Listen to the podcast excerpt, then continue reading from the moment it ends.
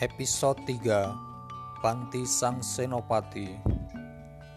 Di Kudus, di kota Kudus Sinar matahari menggampar segala benda tanpa kenal ampun. Semua orang di dalam kota merasa kegerahan. Meski begitu, pasar masih saja ramai Penuh dengan orang-orang yang berjual beli. Riuh rendah suara mereka. Jalan utama kota Kudus pun berjubal manusia satu dua orang tampak memikul tempayan besar yang belum juga laku sepanjang hari itu.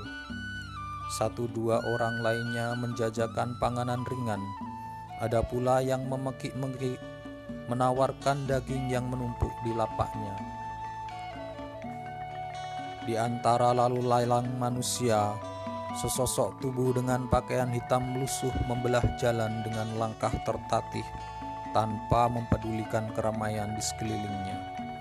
Dia tampak letih, berjalan sembari mengamat-amati bangunan-bangunan di kanan kirinya, seperti mencari-cari sesuatu.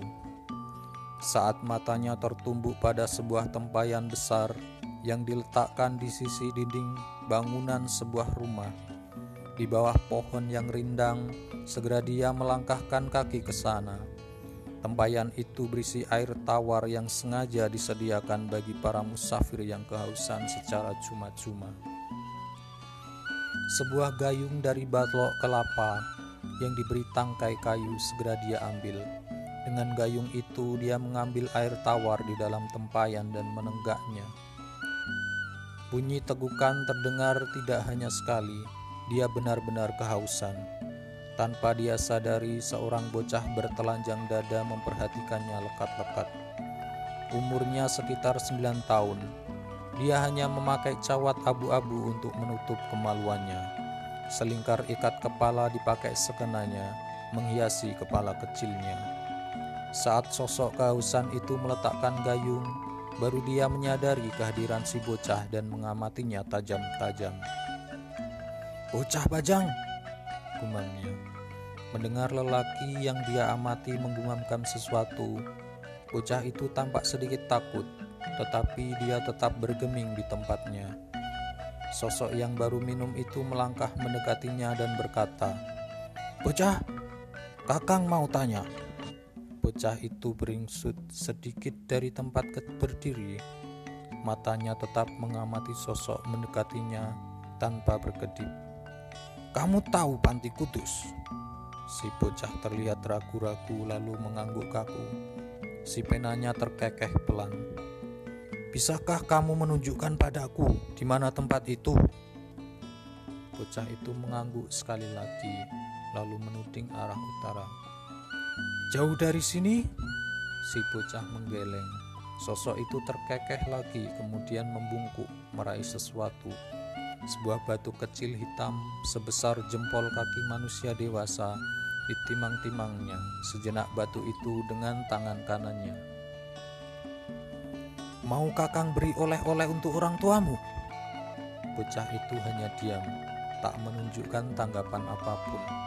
Dia mengamati apa yang sedang dilakukan sosok berpakaian hitam-hitam di depannya, yang terus meminimang-nimang batu kecil dengan telapak tangan kanannya. Kemudian dia memberikannya kepada si bocah. Ini, Segera pulang dan berikan kepada orang tuamu. Bocah itu kebingungan. Dilihatnya batu hitam di telapak tangannya. Bukan, bukan lagi hitam. Batu ini kini tampak kuning berkilauan, indah dipandang. Kakang, kata bocah itu pada akhirnya terdengar kecil dan parau. Ya bocah, ini emas. Ya, hehehe. Anak itu terheran-heran, wajahnya tampak bingung. Ini jelas-jelas tadi saya lihat yang diberikan kepadanya adalah batu sebesar kepala burung gemak. Tapi setelah berada di genggamannya, batu itu berubah jadi emas. Tangannya gemetaran, dia memandang sosok di depannya dengan takjub. Tanpa menunggu waktu, cepat dia memutar tubuhnya hendak berlari pulang. Eh, seru sosok berpakaian hitam-hitam. Mendengar suaranya bocah itu, urung berlari. Kalau diberi sesuatu oleh orang lain, ucapkan terima kasih, bocah. Bocah itu mengangguk. Terima kasih, Kakang, ucapnya terbata-bata. Dia lalu memutar tubuhnya kembali untuk beranjak dari tempatnya. Tetapi baru saja hendak melangkah, dia mengurungkan niatnya. Si bocah membalikkan badannya lagi. Ada apa, bocah? Kakang ini siapa? Tanya yang ditanya tertawa kecil. Jangkung, panggil saja Kakang Jangkung. Bocah itu mengangguk. Terima kasih Kakang Jangkung. Ya sudah, sana.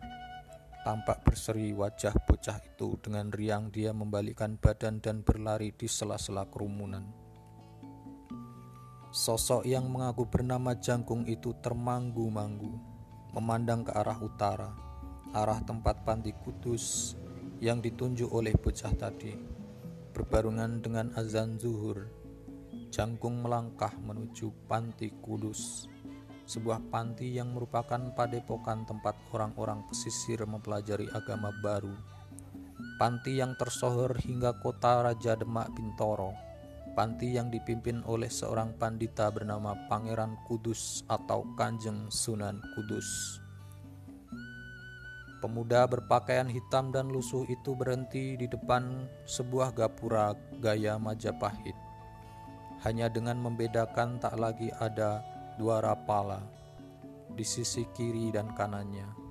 Tak jauh dari gapura tampak menjulang bangunan mirip pendarmaan tempat menanam abu jenazah raja-raja Majapahit yang beragama Buddha.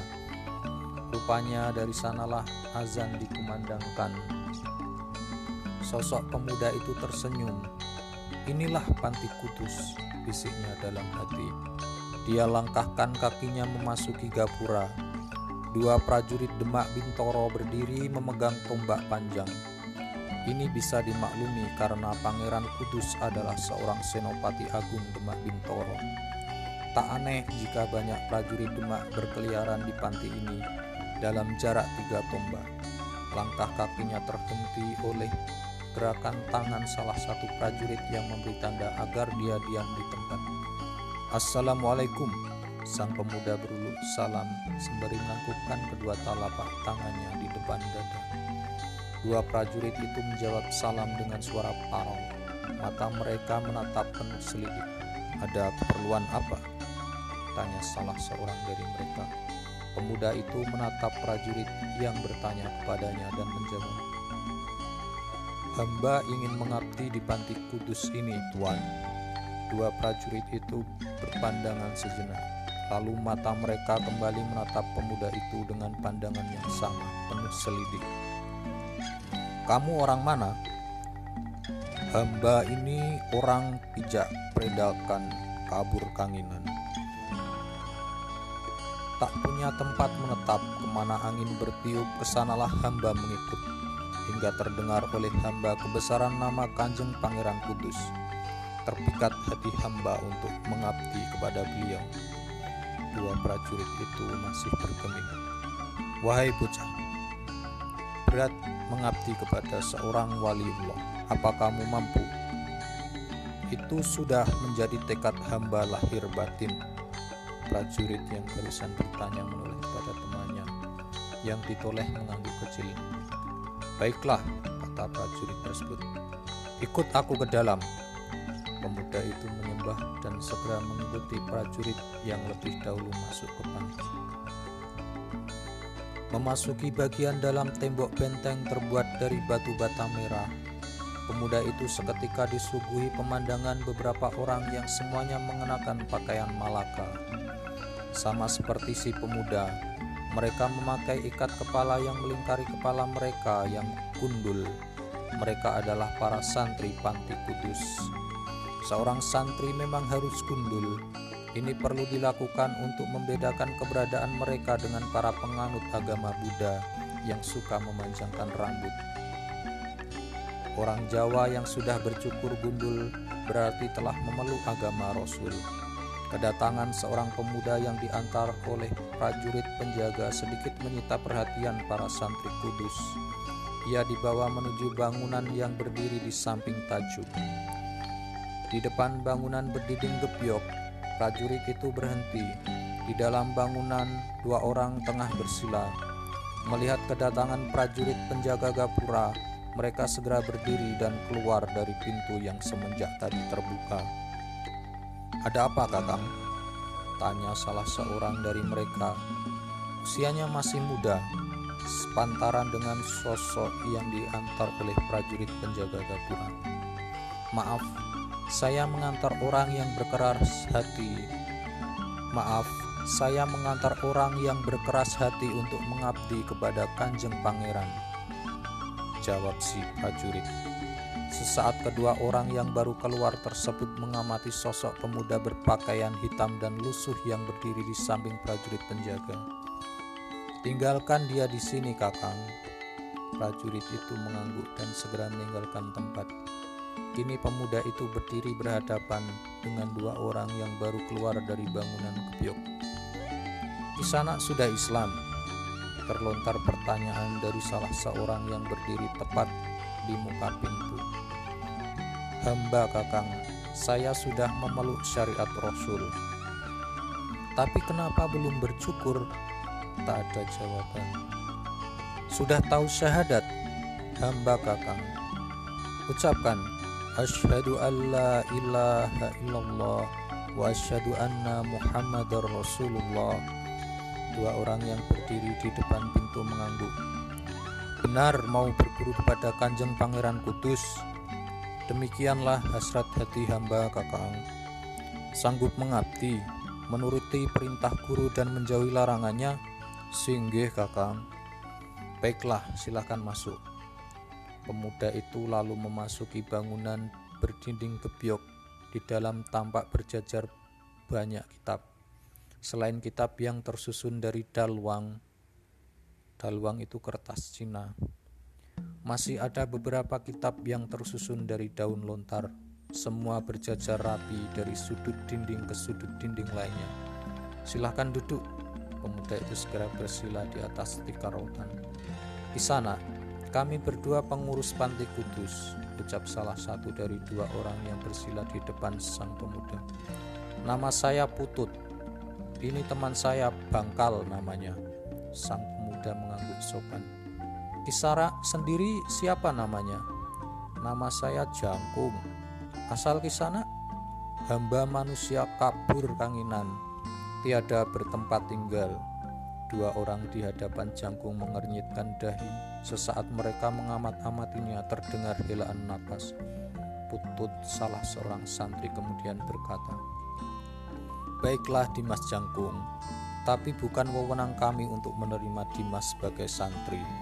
Semua berpulang kepada Kanjeng Pangeran Kudus. Untuk itu tunggulah sampai besok pagi. Kami akan segera menghadap Kanjeng Pangeran. Sementara ini Dimas bisa menempati kamar kosong di belakang tajuk. Jangkung mengangguk lalu menyahut. Hamba paham kakang. Putut pun mengangguk, puas melihat kesopanan Jangkung. Berdoalah agar kanjeng pangeran berkenan mengabulkan permohonanmu. Jangkung mengangguk. Sekarang Dimas boleh membersihkan diri. Di belakang bangunan ini ada sumur. Dimas bisa mandi sekalian membantu santri-santri lain mengisi padasan. Singgi. Padasan di tempat wudhu pagi baru saja menjelang beberapa orang sibuk membersihkan pekarangan tajuk. Beberapa yang lain tampak hilir mudik membawa kelenting berisi air sumur yang hendak dituang ke dalam padasan Matahari baru saja menyembul, kicau burung bersaut-sautan yang senantiasa menyemarakkan kehadiran pagi. Berterbangan ke sana kemari, burung-burung itu memamerkan merdu suaranya. Jangkung pun ikut, ikut hilir mudik mengangkat kelenting. Inilah pagi pertamanya di Panti Kudus, berbaur bersama santri-santri lain yang belum semua dikenalnya. Kesibukan Jangkung terhenti ketika salah seorang santri mendekati dan bertanya, Kisana bernama Jangkung. Jangkung yang masih memekul kelenting segera menghentikan langkah di tatapnya santri yang menegurnya. Singgi, saya Jangku. sana dipanggil menghadap Kakang Putut. Singgi, saya menghadap. Santri itu mengangguk hormat yang dibalas dengan anggukan serupa oleh Jangkung. Santri itu segera berlalu. Jangkung selekasnya membawa kelenting ke badasan dan menuangkan air ke dalamnya. Lalu dia meletakkan kelentingnya di dekat badasan. Bergegas dia meninggalkan tempat itu menuju bangunan gebyok di samping tajuk. Pintu bangunan sudah terbuka dan di dalam putut dan bangkal telah menunggu. Assalamualaikum, Jangkung berucap salam. Putut dan Bangkal segera mengarahkan pandangannya ke arah Jangkung. Waalaikumsalam. Hampir bersamaan Putut dan Bangkal berjawab salam. Masuklah Dimas, perintah Bangkal. Jangkung mengangguk dan segera masuk. Sudah makan? Tanya Putut. Jangkung tersenyum. Sudah kakang. Putut mengangguk. Nah, Dimas, ada kabar baik Kanjeng Pangeran Kudus berkenan menerima pengabdian Dimas. Jangkung tersenyum. Alhamdulillah. Mulai sekarang Dimas resmi menjadi santri kudus.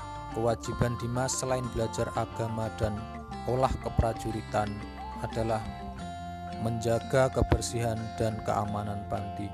Sehingga pada malam Jumat Kanjeng Pangeran Kudus berkenaan mengajar langsung Dimas wajib hadir dan pada Jumat pagi semua santri wajib membersihkan tajuk dan menata bagian dalam tajuk. Karena pada hari Jumat Kanjeng Pangeran Kudus akan menjadi imam sholat. Singgi. Sekarang lanjutkan pekerjaan Dimas. Sehabis ini silakan Dimas membersihkan diri lalu mengikuti pelajaran kitab fikih di pendopo samping dekat dalam Kanjeng Pangeran. Jangkung memberikan sembah hormat, kemudian undur diri. Ketika dia melintasi pelataran tajuk, dari pintu gapura tampak serombongan prajurit berkuda masuk. Ada sekitar 30 prajurit berpakaian merah-merah, seragam pasukan khusus Kadipaten Jipang Panolan, yaitu sebuah kadipaten yang sekarang terletak di utara Blora, Jawa Tengah. Mereka dikenal dengan nama prajurit Sureng seorang pemuda berusia sekitar 17 tahun menunggang kuda paling depan, diapit dua prajurit yang lebih tua. Kasak kusuk tersiar dari para santri, rombongan itu berasal dari Pangeran Surya Wiyata, putra Kanjeng Sultan Demak, Panembahan Jimbun, yang lahir dari istri dari Jipang Panolan. Jangkung mengamat-amati dari kejauhan sosok Pangeran Surya Wiyata dia berkulit kuning bersih, berwajah tampan, dan bermata sedikit sipit. Dia dikenal dengan sebutan Raden Kikin.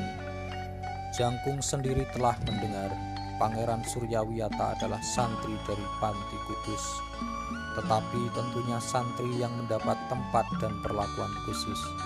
Santri yang akan langsung dibimbing oleh Kanjeng Pangeran Kudus dan kabar terbaru yang didengarnya sebuah pusaka Majapahit Kiai Brongot Sitan Kober berupa keris berluk tiga telah diberikan secara khusus kepada putra Kanjeng Sultan Demak itu.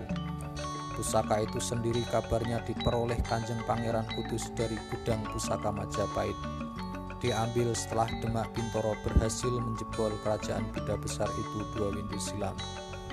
Pusaka rasa rampasan perang pusaka yang dipercaya memiliki kekuatan niskala yang sanggup mempengaruhi pemiliknya sehingga ia memiliki keberanian besar saat berperang. Konon, tak ada ilmu kebal apa pun yang mampu menahan tusukan atau sabetan Kiai Brongot Sitan Kober. Rombongan Pangeran Suryawiyata telah memasuki pelataran Panti Kudus. Pangeran muda itu turun dari kuda Beberapa santri kawakan tergopoh-gopoh menyambutnya. Perbincangan singkat terjadi. Pangeran Suryawiyata bersama dua orang pengiringnya lalu diantar masuk ke dalam kudus. Tempat kanjeng Pangeran Kudus tinggal.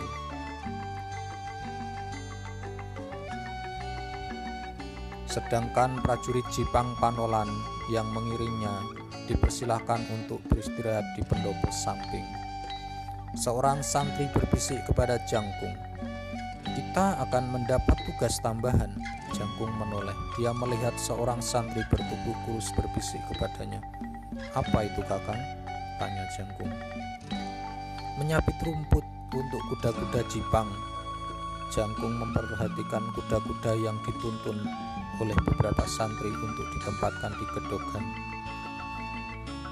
Sempat Jangkung bertanya lagi pada santri yang baru saja berbisik kepadanya. Seorang santri kawakan memanggilnya. Di depan tajuk beberapa santri telah berkumpul ada sekitar 10 orang termasuk dirinya. Tugas telah menanti mencarikan rumput segar untuk kuda-kuda Jipang Panolan. Itu berarti Jangkung tidak jadi ikut pelajaran kitab fikih pagi ini. Pelajaran yang sebenarnya sudah sangat dikuasainya.